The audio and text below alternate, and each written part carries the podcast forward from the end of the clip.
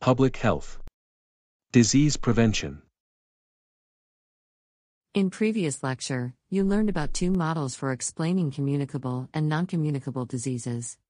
Diseases are also can be seen as acute and chronic. And we should consider it in our approaches for preventive methods. Let's have an example. In 2023, a 70 years old patient is diagnosed with osteoporosis after he broke his leg. Looking at his past medical history, in 2003, he had mild vitamin D deficiency. In his checkup in year 2000, there was no abnormality.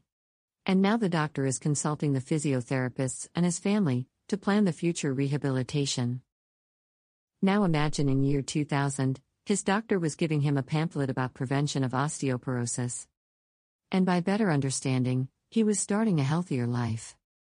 By this, in 2003, he couldn't have vitamin D deficiency. In 2023, there was no fracture. And there was no need for rehabilitations. Which also means saving resources and using them in a better way.